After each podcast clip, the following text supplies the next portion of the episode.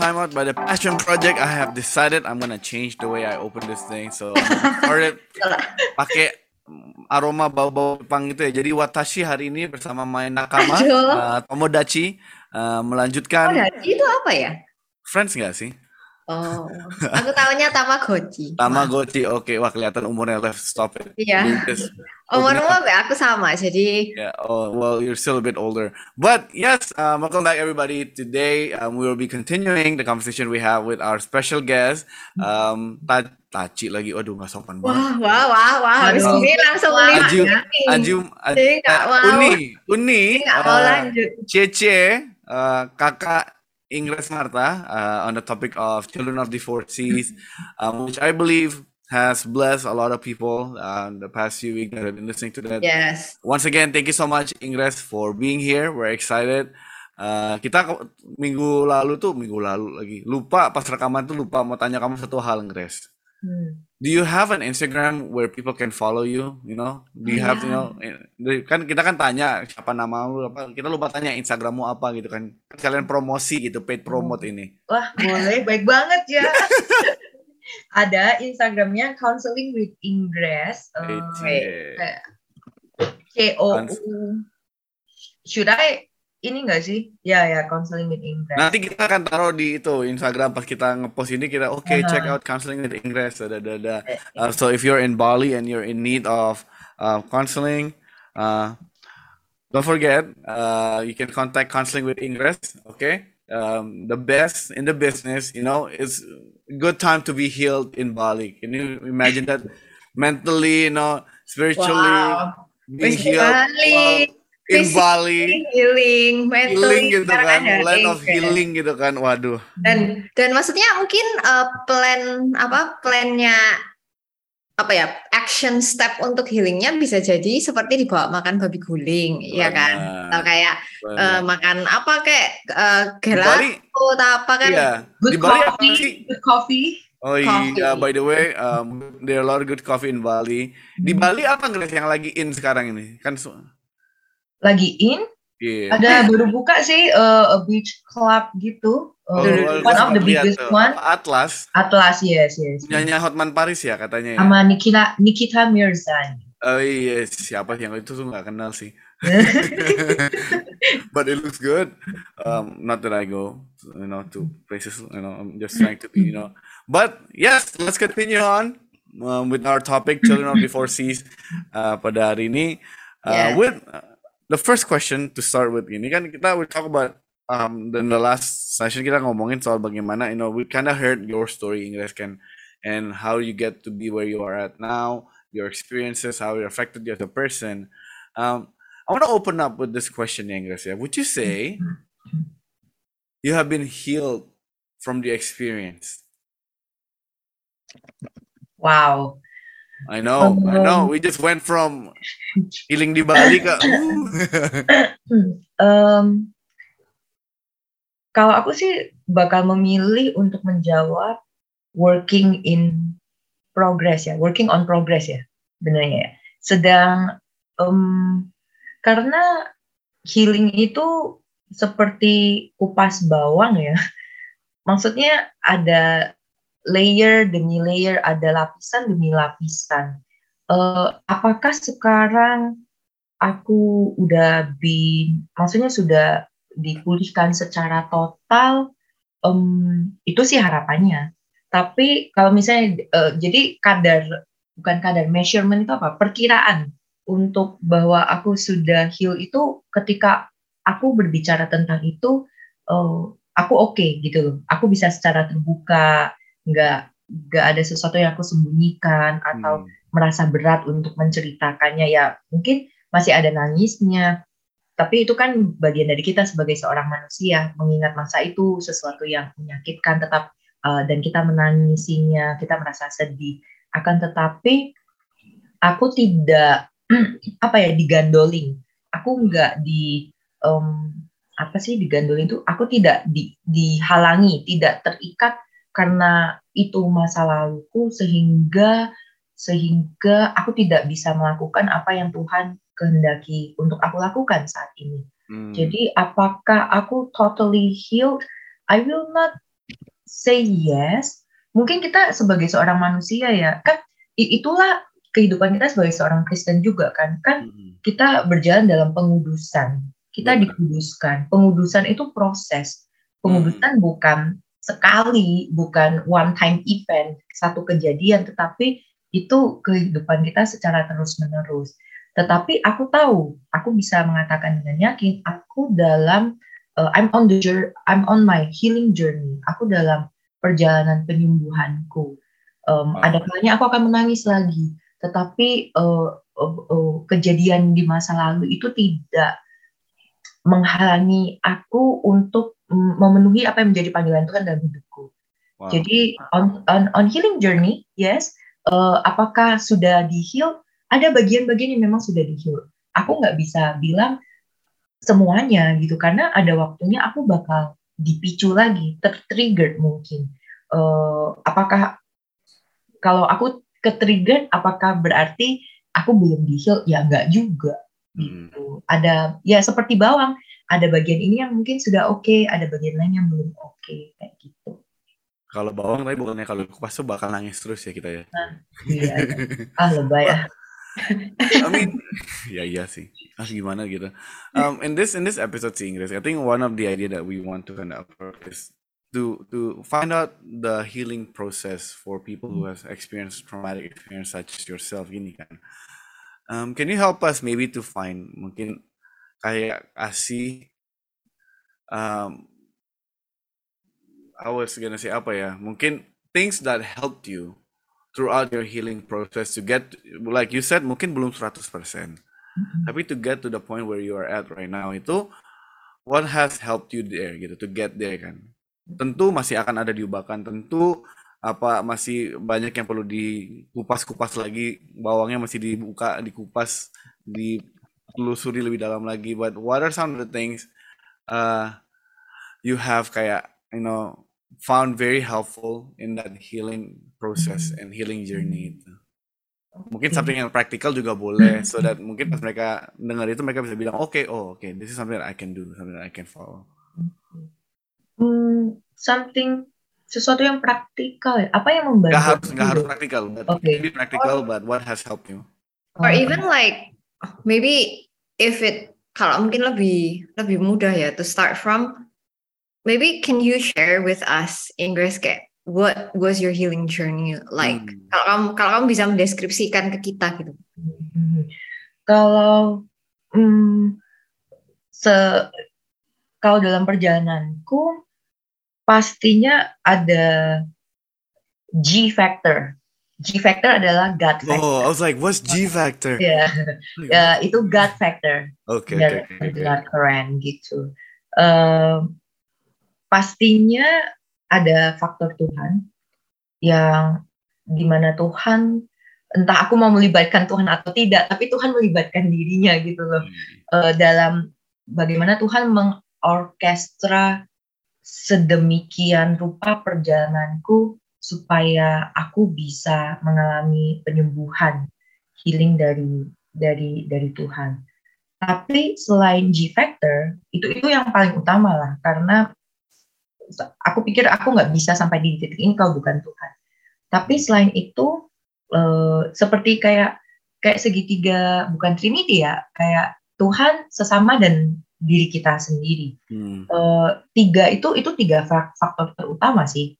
Uh, karena gini, kita disak ya Tuhan kita ambil Tuhan lah ya. Uh, kita disakiti melalui sesama. Tetapi pemulihan pun Tuhan pakai melalui sesama. Hmm itu. Jadi uh, untuk mungkin teman-teman passion people kita nggak bisa ngomong aku mau healing kok misalnya maksudnya aku mau penyembuhan kok aku mau dipulihkan tapi kita menarik diri dari komunitas ta tapi aku nggak ngomong komunitas yang toksik ya ya silakan tarik gitu, gitu. Loh sama parah nanti. You should ya uh, tapi kalau mau mengisola tidak gini tidak ada uh, pemulihan yang datang dari mengisolasi Hmm. Ada waktunya memang. Kita, uh, aku sendiri mengalami itu uh, karena proses yang aku alami terlalu banyak, aku nggak bisa ketemu orang. It's too much for me. jadi aku nggak mingle sama orang. Itu nggak apa-apa it's okay. Uh, take your time. Akan tetapi uh, uh, kalau misalnya untuk untuk uh, kenapa benar ya kenapa ada orang-orang yang kecanduan? Orang-orang kecanduan itu kan they do it in isolation. Kita nggak nonton hmm. porn, porn porn things di di sekolah di you know di laptop sekolah ada guru dan teman-teman. Intinya adalah kalau kita melakukan sesuatu dalam isolasi berarti itu sesuatu yang shameful hmm. dan uh, kita nggak mau orang tahu itu. Uh, jadi kembali lagi karena kita disakiti dari sesama ketika Tuhan sudah uh, membiarkan kita dipulihkan kita pun akan membiarkan diri kita kembali untuk kembali kepada sesama. Uh, jadi faktor Tuhan diri sendiri dan sesama itu adalah tiga faktor penting di dalam uh, proses penyembuhannya kita. Ya sesama dalam arti kalau misalnya dalam proses penyembuhan kita ya kita mau komunitas yang sehat. Komunitas yang sehat adalah uh, bukan komunitas yang toxic positivity ya. Kayak selalu agree setuju dengan apa yang kita lakukan enggak.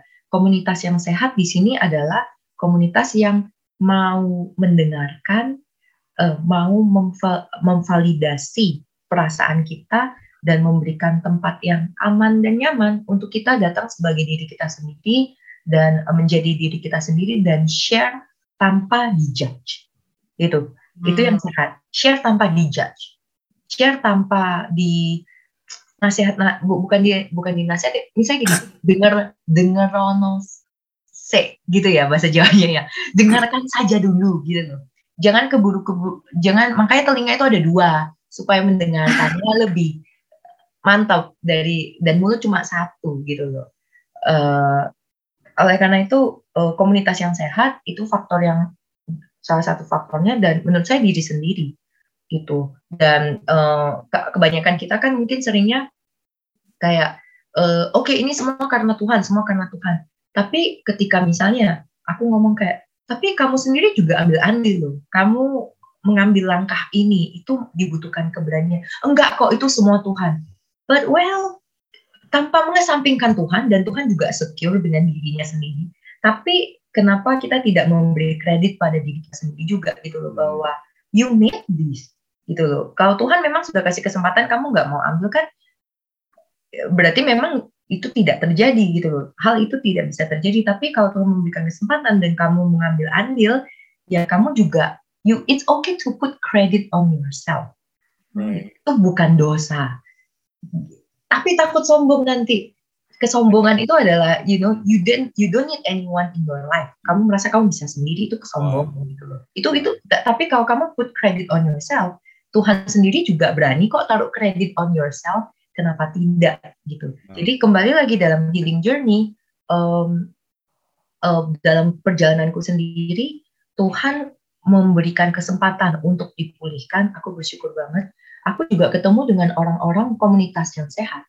Itu aku sangat diberkati sih. Itu kalau bukan Tuhan, nah itu aku taruh lagi kepada aku sangat diberkati dengan komunitas yang sehat di mana aku bisa datang dengan menjadi diriku sendiri. Aku ngomong kotor, honestly speaking ya, karena terlalu mess up dan karena aku terlalu marah. Tapi teman-temanku nggak ngejudge, uh, didengarkan. Aku diberikan kesempatan untuk menangis saat jadi-jadinya Hmm. dan tanpa diberi nasihat. Hmm. Dan aku ketika ketika aku diberikan kesempatan itu, aku ya move on move on sendiri gitu. Dan yang terakhir diriku, aku tetap juga berikan kredit kepada diriku karena uh, aku bersyukur bahwa Tuhan kasih keberanian. Aku punya keberanian untuk memproses apa yang aku alami. Karena nggak semua orang kita lebih mudah untuk melihat keluar, tapi uh, lebih susah untuk melihat ke dalam diri kita sendiri. Hmm. Bahwa to admit I'm not okay, untuk mengakui bahwa aku ini nggak oke, okay. untuk menyadari bahwa oke okay, ada sesuatu yang perlu aku proses di sini. Hmm. Ya, sopo yang mau ya, yang kayak siapa yang mau untuk duduk diam menangisi uh, apa uh, grieving, berduka untuk kehilangan yang kita alami di masa lalu kalau ini ya mungkin khususnya kayak oke okay, ada perceraian terjadi dari orang tua saya akan tetapi passion people dan menjawab uh, pertanyaan apa link dengan pertanyaan Levina tadi healing journey itu gimana? Healing journeyku itu aku percaya aku memberikan waktu dan kesempatan kepada diriku mm-hmm. untuk berduka, mm. untuk menangisi mm. sak jadi-jadinya. ketika aku sudah cukup kuat ya, de, menangisi uh, kehilangan-kehilanganku di masa lalu. Mm. Mazmur 23 uh, uh, aku berjalan dalam lembah kekelaman. Nah, teman-teman passion, passion people, uh, Tuhan itu ya kita kan memang sering berdoa. Tuhan ambil cawan ini ya. Even Yesus juga berdoa itu Tuhan kau bisa lakukan cawan ini daripadaku. Apakah tidak boleh berdoa itu? Boleh. Yesus aja berdoa. Artinya apa? Yesus itu manusia, kita pun manusia. Itu manusiawi untuk berdoa meminta Tuhan ambil cawan ini daripadaku. Hmm. Lakukan mujizatmu Tuhan. Kita minta sesuatu yang supernatural. Itu benar. Akan tetapi, patient people, kebanyakan kita kadang-kadang terlalu fokus kepada sesuatu yang supernatural. Tuhan melakukan sesuatu yang supernatural, mujizat dalam satu malam, mujizat ketika altar full. Tetapi kita lupa bahwa Tuhan juga bisa memulihkan dan mujizatnya terjadi dalam cara-cara yang natural. Kita terlalu fokus, kadang-kadang kita terlalu fokus dengan yang supernatural dan kita lupa bahwa, hey, Tuhan juga bisa bekerja dalam hal yang natural dan kebanyakan kita masih hidup secara natural dan uh, Tuhan memulihkan dalam cara yang natural. Bagaimana? Tuhan mengirimkan komunitas yang sehat. Ketika di komunitas yang sehat ini aku sudah bisa menjadi diriku sendiri, udah berani ngomong, udah berani speak up, udah berani berproses, uh, ego strengthku itu bukan egois ya. Uh, diriku sendiri sebagai self sebagai seorang diri sendiri sudah cukup kuat untuk menghadapi, untuk melihat ke dalam bahwa aku nggak baik-baik aja dan aku pun memprosesnya. Ada malam-malam di mana aku menangis sejadi-jadinya. Itulah lembah kekelamanku. Hmm. That's my healing journey. Dan teman-teman, kalau kita bilang gini, oh, kita punya masalah, uh, kita bisa ngelewatin itu sih. Tetapi kalau itu masih unresolved, kita akan kembali ke situ. Hmm. Entah kita mau mengakuinya atau tidak, menyadarinya atau tidak. Dan um, untuk melewati ini, healing itu perlu kekuatan dan keberanian untuk melewati ini loh, lembah kekelaman ini. There's no other way. I, I don't think there's other way. Uh, ada orang bilang kayak, oke, okay, aku percaya Tuhan juga bisa pulihkan secara mujizat. Aku percaya mujizat itu masih ada. Tapi ada juga cara di mana Tuhan mau memulihkan kita dengan itu salibnya kita mungkin. Hmm. Kalau Tuhan mau take bypass ya, Tuhan mau bypass ya, ya mungkin mungkin nggak ada nggak ada salib gitu loh. Bisa, bisa, but is is that is that the way gitu loh. Hmm. Dan mungkin ya salibnya kita adalah kita mau uh, uh, menangisi, berduka. Nggak enak berduka itu, nggak nyaman. Nggak nyaman. Tapi memang ju jujur saya tidak sarankan ke patient people untuk berduka sendiri ya. Kalau kita sendiri, karena saya melalui konseling udah puluhan sesi gitu loh.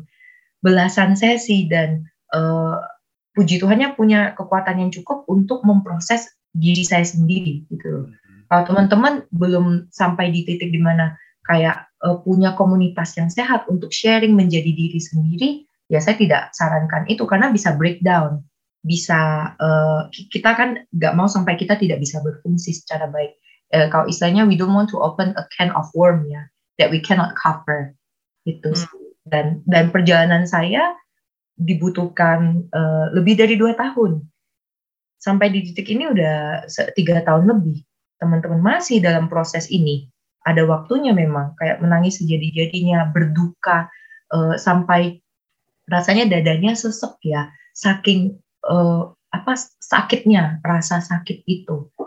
Um, dan tidak ada jalan lain menurut saya untuk selain keberanian dan itu yang saya doakan. Saya minta ke Tuhan dalam perjalanan uh, my uh, healing journey ya, bahwa Tuhan berikan aku keberanian dan kekuatan untuk memproses rasa sakitku, untuk memproses uh, apa yang ada dalam diriku yang masih mungkin unresolved, belum terselesaikan. cause we need this kita butuh lembah kekelaman ini tetapi teman-teman nggak sendiri. Ada ya ada maybe train counselor atau komunitas yang sehat ada teman-teman yang aman. Ada Tuhan yang uh, yang makanya Tuhan mengatakan di dalam tiga gadamu dan tongkatmu itulah yang menghibur aku. Ada lembah kekelaman perlu dilewati tapi you don't have to go it alone. Kamu nggak harus melewatinya sendiri. Itu sih. Ya. Yeah. yeah that's such a powerful prayer ya. Minta Tuhan nggak cuman keberanian tapi juga kekuatan. Karena berani kalau nggak kuat juga you know we need the strength. Kita butuh uh, kekuatan itu dan kita juga butuh courage untuk kita bisa step out and be vulnerable.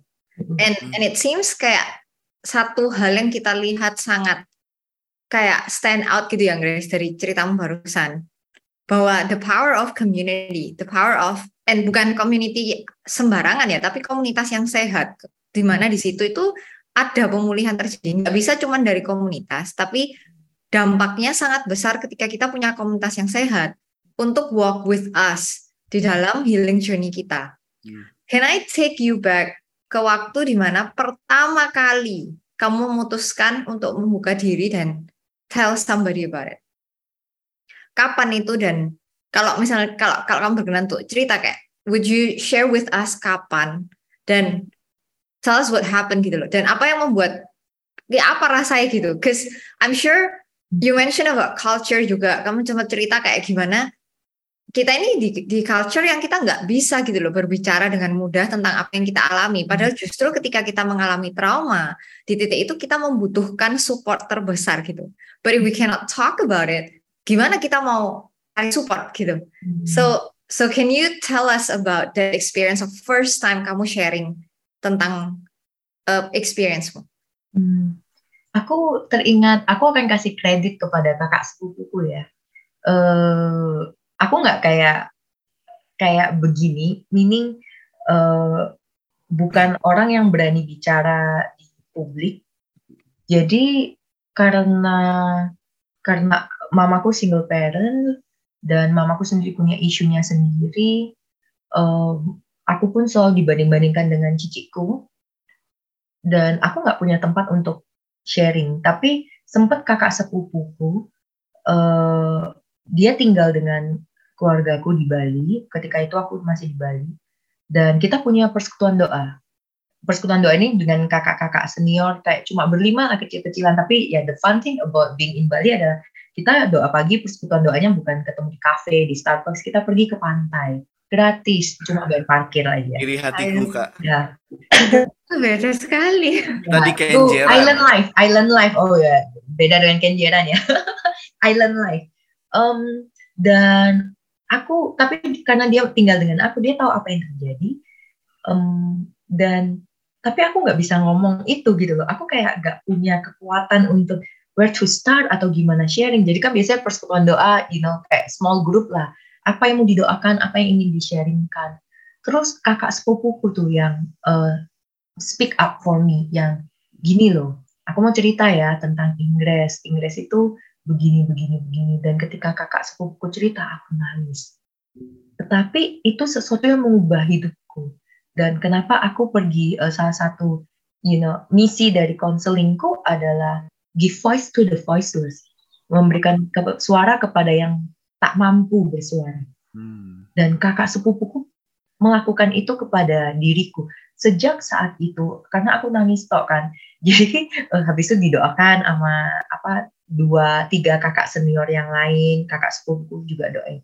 Tapi sejak saat itu minggu depannya atau uh, uh, kemudiannya ketika kita ada small group lagi, aku mulai berbicara.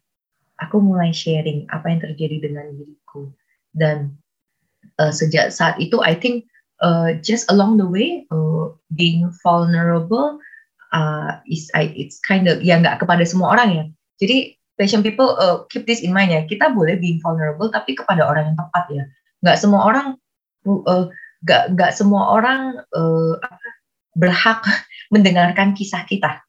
Oke, okay. dan maksudnya kalau mau sharing being vulnerable kepada orang yang tepat, ya carilah orang yang tepat. Jangan mencari orang yang maksudnya salah ya. Maksudnya salah dalam arti judging, nggak bisa dengerin dan uh, self-centered dan ya kita nggak mau yang jangan sharing kepada orang yang seperti itulah kalau misalnya mau talking about being vulnerable jadi sejak saat itu uh, karena kakak sepupuku melakukan itu aku being uh, I can be more vulnerable tapi memang kenapa aku tadi ngomong perlu sharing kepada orang yang tepat banyak kali aku sharing kepada orang yang tidak tepat oh. sehingga yang ada uh, ketika aku being vulnerable uh, perasaanku itu di dismiss I feel even even more lousy ya. Aku uh, even apa worse.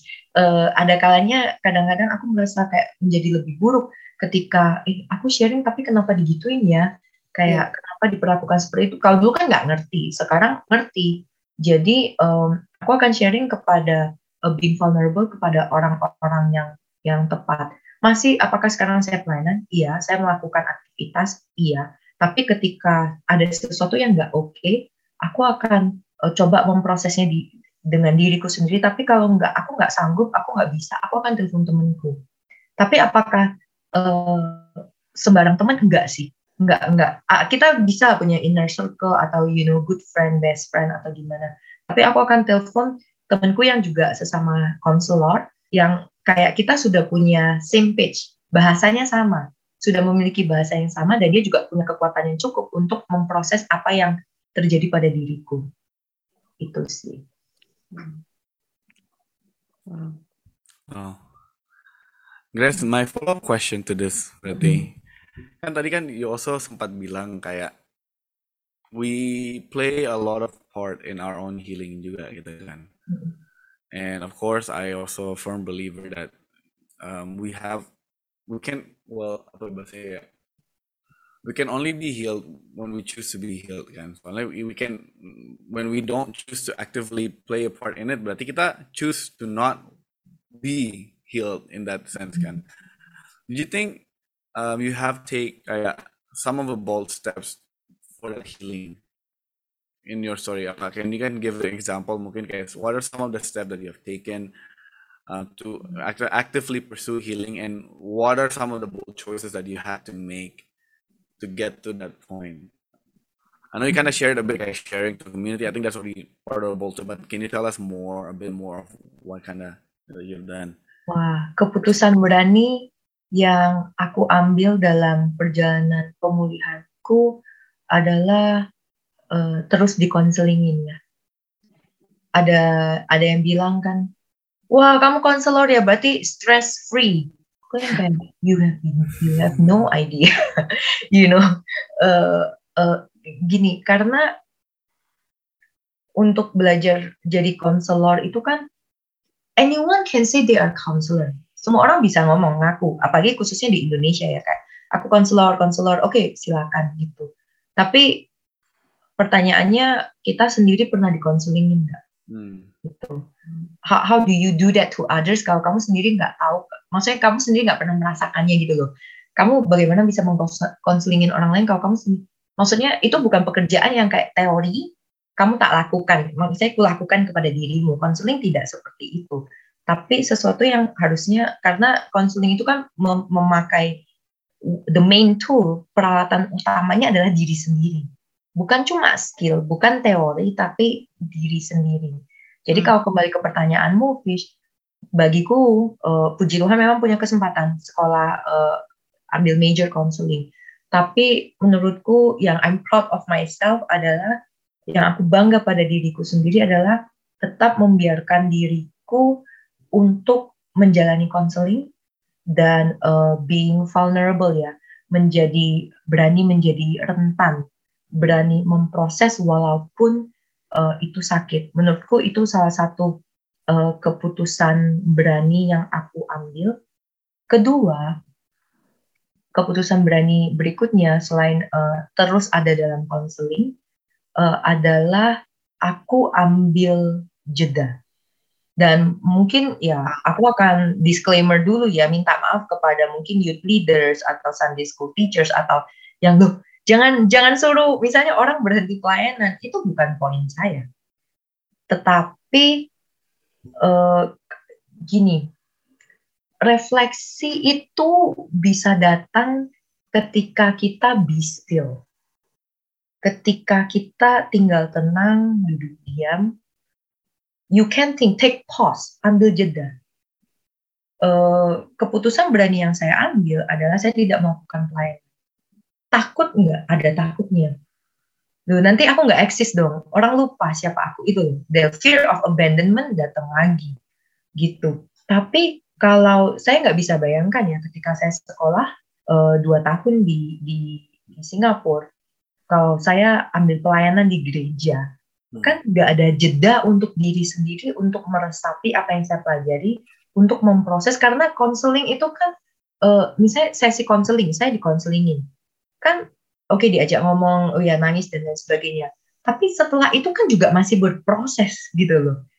Kalau misalnya saya ambil kesibukan demi kesibukan, saya percaya saya nggak ada waktu untuk memproses buat diri saya sendiri gitu loh. Nggak bisa cuma pada akhirnya ngandelin konseling aja gitu, tapi kan butuh waktu untuk memproses bagi diri sendiri dengan diri sendiri uh, uh, pada satu waktu gitu loh.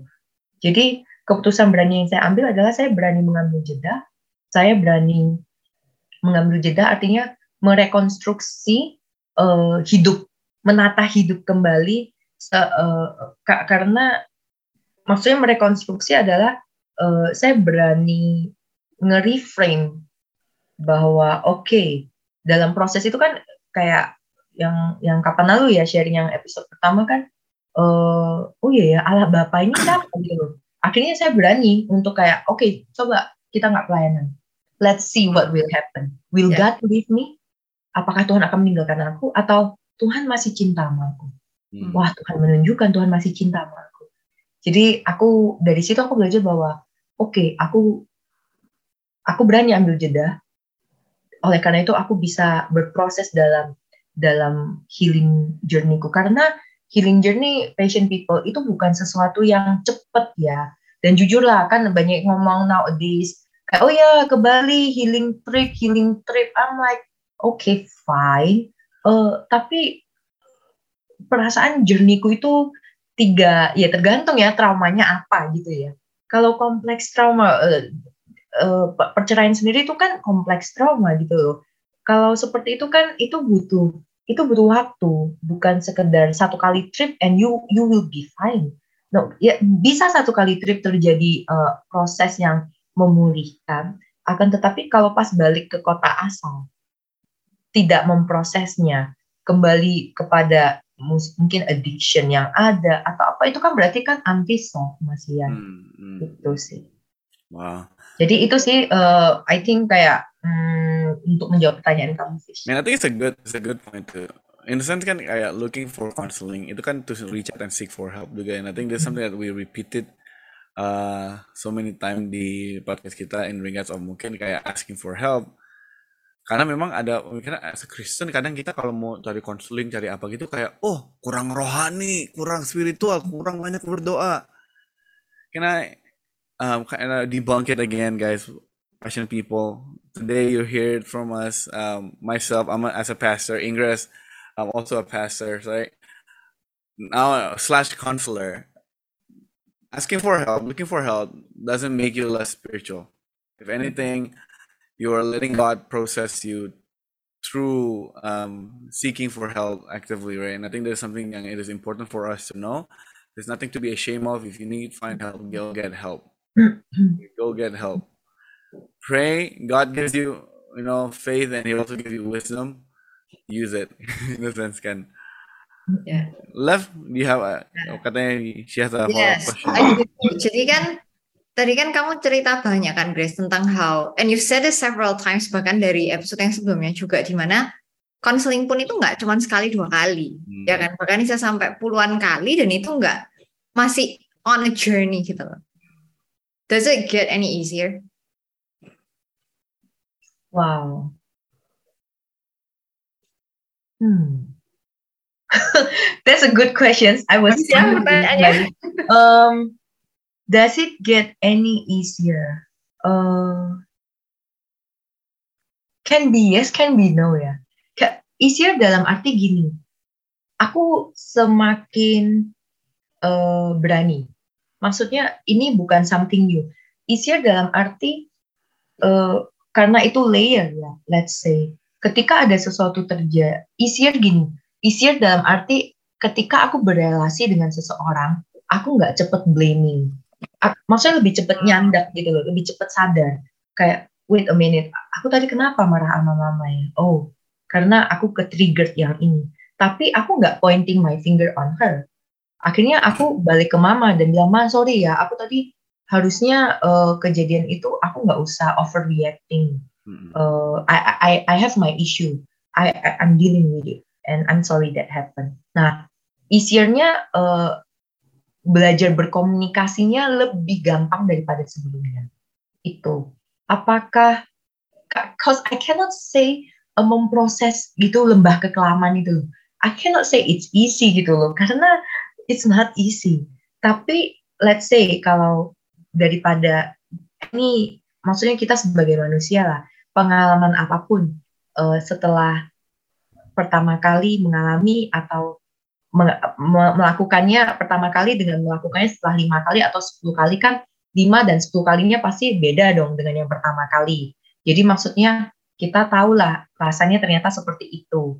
Easier in that sense ya bahwa lebih terbiasa, lebih nggak shocking.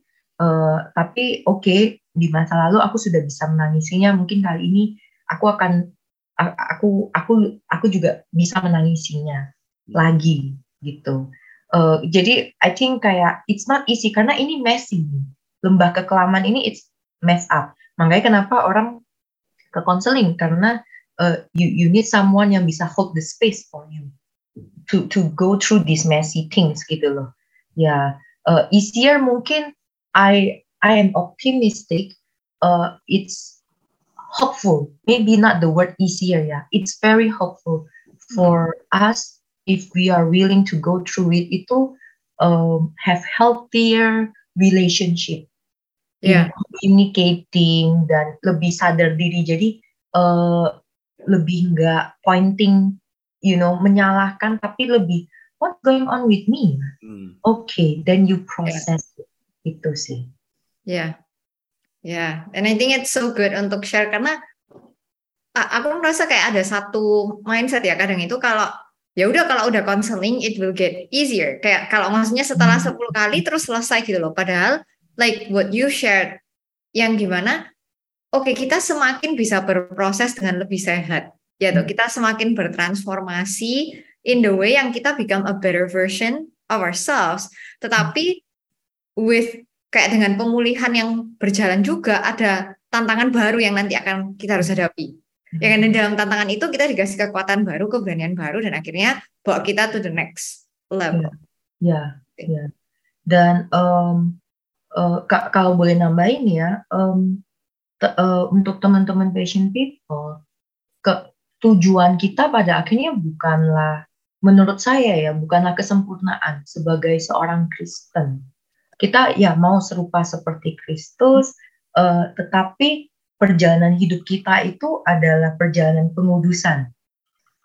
Antara kita mati duluan atau Tuhan Yesus datang kedua kali, dan uh, langit yang baru, bumi yang baru, tubuh yang baru ada. Hmm. Uh, tetapi selama itu ada, jadi maksud saya poin saya adalah have grace on yourself. Hmm. Kalau maksudnya Tuhan memberikan anugerahnya kepada kita, yeah. kita juga perlu memberikan anugerah kepada diri kita yeah. sendiri bahwa yeah. uh, maksudnya kalau mau ngomong tentang pemulihan, healing journey, itu ups and downs, itu kotor, itu seperti bengkel kayak direkonstruksi reframe kayak unlearn, relearn, learn. Itu yang dosen saya pernah ngomong itu very good. Unlearn, relearn, learn. Aku kira hubungan itu seperti ini loh. Misalnya toxic gitu ya. Eh ternyata enggak gitu loh. Ya unlearn lagi. Terus ternyata oh kita relearn. Oh ternyata hubungan yang sehat itu bisa berkomunikasi daripada lempar piring gitu loh. Oh gitu. Oh dari situ aku belajar. Nah tapi itu itu adalah perjalanan perjalanan hidup bukan hanya uh, saya aja, bukan hanya teman-teman saja, tapi semua orang, apalagi kita orang Kristen, uh, itu perjalanan pengudusan. Ada waktunya di atas, ada waktunya di bawah. Jadi kalau ketika ada di bawah, nggak baik-baik aja, nggak selalu joyful, it's okay. Tuhan menciptakan kita begitu unik, begitu kaya akan emosi. Emosi itu bukan cuma joyful, teman-teman. Hmm. Ya. Emosi bisa sedih. Kau sedih berdosa nggak? Kurang rohani nggak? Tadi aku suka sih yang Fis ngomong kayak, enggak. Emosi juga bagian dari manusia. Yesus aja menangis pas Lazarus meninggal. Yesus aja bisa marah. Jadi uh, kalau emosi adalah uh, apa yang Tuhan juga ciptakan di dalam di dalam diri kita dan one more thing kalau aku boleh tambahkan kayak tadi Fis bilang ya kayak uh, kalau kita being vulnerable bukan berarti kita less spiritual ya uh, karena hidup itu menurutku seperti inilah kayak ini lingkarannya. Oh, kan? Selotip ya. Ini selotip aja sih. Cuma uh, ke, jadi karena perjalanan kehidupan kita itu pengudusan kita berharap adanya uh, holistic holistic life. Kalau kita terlalu emphasize, terlalu rohani ya, semuanya semuanya dispiritualkan ya. It's not holistic, tetapi spiritual adalah bagian dari kita. Entah orang agamanya apa pun, itu itu human being ya. Uh, tapi selain spiritual ada juga sisi emosi ada juga sisi hmm. apa sosial, ada fisik, ada intelektual, eh, kognitif kita, akademik, kepintaran, uh, whatever. Jadi spiritual is just one side. Loh, kamu nggak bisa ngomong gitu dong, guys. Kayak itu kan uh, nggak nggak spiritual jadinya. Bukankah Tuhan yang harusnya menjadi utama?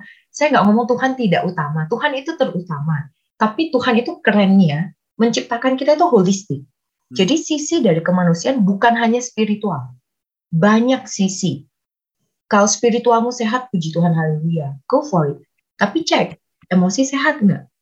Secara uh, you know, uh, secara kognitif, secara mental sehat nggak? Pay attention to what you say to yourself.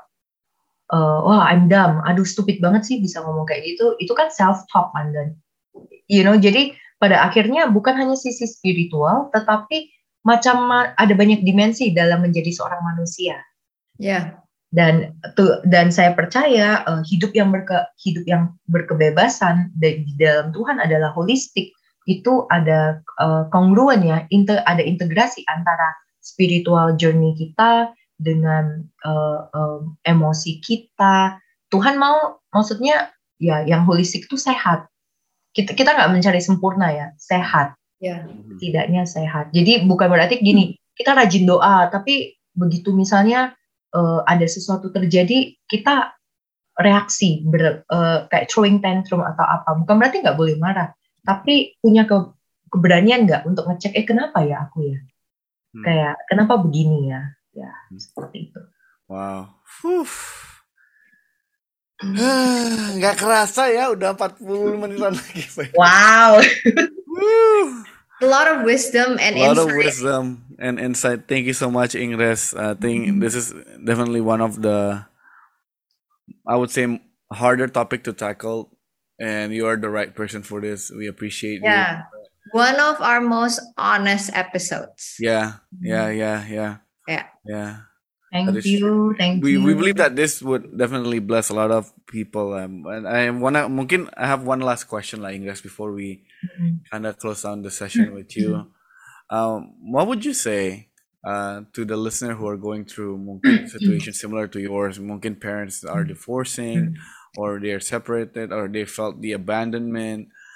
Uh, what kind of advice would you give to them? And I, I want to add something else, kayak what kind of advice can you give them in regards of relating to their parents as hmm, people who mm-hmm. are maybe mungkin kan kalau kita sebagai anak kadang susah lihat orang tua sebagai superhero kita tiba-tiba hmm. they fall they crumble right but ultimately hmm. the parents are also mungkin human that capable of making mistakes how should they approach their parents in this kind of context in this situation so advice for them who are going through this mm-hmm. and how should they uh, in in in in in relationship to their parents mm-hmm. mungkin if you can yeah. as a closing dan mungkin kayak dari your advice untuk kayak anaknya sendiri sama mungkin advice untuk let's say misalnya kita youth leader yang walk with them bagaimana kita bisa bantu mereka juga Oke. Um, kalau untuk teman-teman passion people yang mengalami ini ya punya mungkin cerita yang sama dengan skenario yang berbeda bahwa maksudnya orang tua kita bercerai. Yang pertama, it's not your fault. Ini bukan salah kamu. Itu terjadi. Hmm. Yang kedua, I am so so sorry about what had happened. Dan aku aku turut uh, sedih dengan apa yang telah terjadi bahwa tidak ada satu anak pun di dunia ini yang layak berada dalam kondisi yang kamu berada saat ini, yaitu perceraian orang tuamu, dan itu bukan salahmu. Perceraian itu membawa duka, duka yang besar, duka yang dalam, luka yang besar, luka yang dalam. And if you feel and you think that you are not okay, it's okay mm -hmm. to not be okay. But let me tell you this, you are not alone. Ada orang-orang di luar sana, uh, you know, passion project team, uh, counselor di luar sana, youth leaders di luar sana yang willing to listen, uh, yang mau mendengarkan, mau berjalan bersama kamu dalam lembah kekelamannya kamu ini.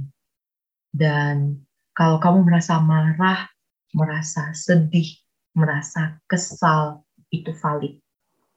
Kamu berhak merasa seperti itu. Karena apa yang penting dalam dirimu itu telah diambil.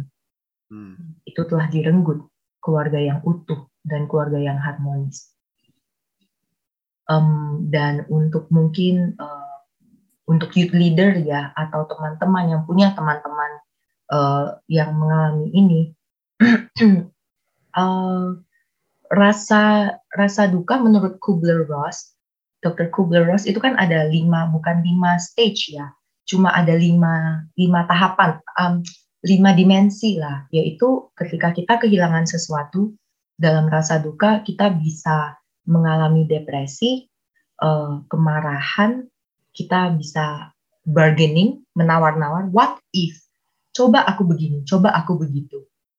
Ada, um, aku lupa satunya apa. Denial oh denial ada penyangkalan dan thank you uh, dan yang terakhir penerimaan untuk youth leader teman-teman uh, yang tahu ada teman-teman uh, mungkin mengalami ini uh, temannya kita anak remaja atau anak sekolah minggu kita mungkin mengalami ini ketika perceraian terjadi mungkin mereka masih ada dalam tahap penyangkalan bahwa misalnya gini papaku sebenarnya baik kok orangnya baik kok. He's my hero.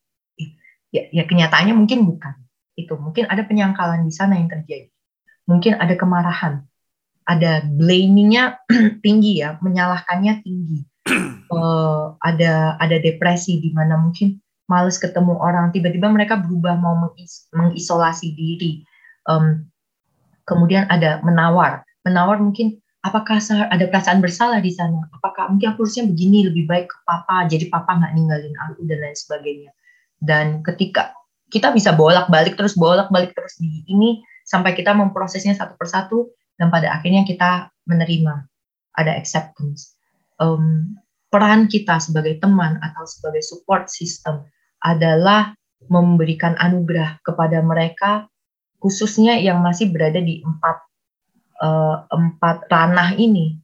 Mungkin mereka marah, mereka mau blaming. Untuk teman-teman yang mengalami juga, kalau mau blaming silakan, monggo apakah karena memang itu bukan salahnya kalian gitu jadi uh, jujur aku nggak ngomong tentang dosa apa enggak ya di sini ya tapi kalau mau menyalahkan orang tua silakan nyalahin aja mm-hmm. kamu proses When, once I will not tell you to forgive once you know when to forgive you know when you are ready. Mm. I will not tell you to do that. Tetapi untuk teman-teman leader dan yang yang tidak mengalami ini tapi berjalan bersama dengan teman-teman yang mengalami pergumulan ini ketika kita memberikan tempat yang aman dan nyaman uh, tanpa judging mendengarkan saja uh, itu adalah pilihan mereka pada akhirnya mereka mau mengampuni atau tidak. Itu bukan it, itu bukan bebannya kita loh kalau dia nggak mengampuni aku salah dong hmm, Tuhan nggak kayak gitu teman-teman jadi uh, berikan tempat yang aman dan cukup untuk uh, mereka berada di dalam ranah ini sampai they can come to their own acceptance. Hmm. Mereka bisa datang pada penerimaan mereka sendiri bahwa ini telah terjadi. Aku sudah cukup menyalahkannya, aku sudah cukup marahnya. Kadang-kadang aku masih marah, ya sudah. Tapi ketika ada anugerah, pemulihan sesungguhnya itu terjadi. Ketika ada tempat yang aman dan nyaman untuk menjadi diri sendiri, merasakan apa yang aku rasakan, ketika sudah cukup untuk marah, ya kita nggak siapa sih yang suka marah terus gitu kan. Tapi ketika sudah cukup marah ya, ya aku nggak cari-cari lagi. Hmm. Seperti itu. Dan tadi yang terakhir uh, apa ya Vistanya ya. Um, tadi kan uh, pesan kepada anak-anak, oh bagaimana berrelasi dengan orang tua. Oh jadi kembali lagi, kalau misalnya kalian mau menyalahkan, mau ini silakan. Cause you are angry. Siapa yang nggak angry? keluarga yang utuh di, di, dirusak. Karena apa? Kesalahan orang tua memang. Hmm. Bukan kesalahan kalian, kesalahan orang tua. Kelemahan orang tua. Keputusan-keputusan yang buruk oleh orang tua. Kalau kalian mau menyalahkan, silakan. Hmm. Until you are ready, then you are ready. But I will not push you. Aku tidak akan uh, push kalian untuk itu karena it sucks. Itu menyebalkan, menyakitkan sekali dan tidak ada satu anak pun di dunia ini yang layak diperlakukan demikian. Hmm. At the same time, terus bagaimana dengan uh, berrelasi dengan orang lokal dari pribadiku sendiri? Aku bersyukur untuk teman-teman komunitas yang sehat nggak push aku ketika aku bilang aku marah sama orang tua aku, mamaku begini begini. Mereka mereka mendengarkan, mereka proses, mereka nggak langsung harusnya itu aku kesel sih. Ada teman-teman Kristen yang seperti itu, itu aku nggak curhat lagi ke mereka jujur aja, enggak. Tapi teman-teman yang nerimo, habis itu aku proses sendiri, aku belajar, aku nggak mau seperti ini terus dengan mama, menyalahkan terus. Akhirnya aku proses diriku sendiri. Ketika mama very apa ya trigger aku ya, uh, aku sadar, aku masih marah, tapi habis itu karena aku sadar, aku proses itu, aku minta maaf ke mama, aku komunikasi. Ya, tapi if you are not there yet, I will not push you to go there. Aku nggak akan push kalian untuk ke sana. Ya, silahkan berproses. Itu butuh waktu ya, butuh waktu. Tapi tidak mengurangi, uh, tidak mengecilkan perasaan kalian. Saya memvalidasi perasaan kalian bahwa memang mengecewakan. Apa yang terjadi, menyakitkan and I'm sorry about that. Mm-hmm. Wow. Awesome. Thank you so much, Ingres. Woo. Thank you. Thank you for gracing us your time and expertise and sharing your experience being vulnerable. The podcast kami. Uh, I think this will be the last podcast of the season three. So yes. we ended we ended with a bang. Thank you so much, um, passion people.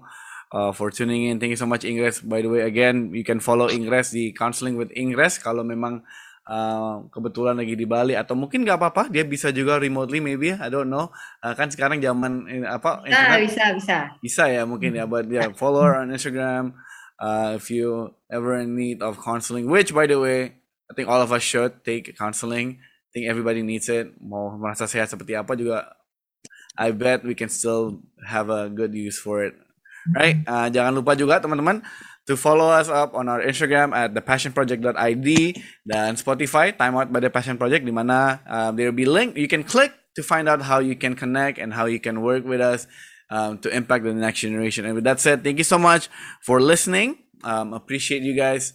Um, tiga season udah selesai.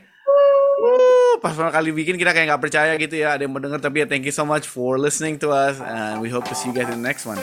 Bye bye.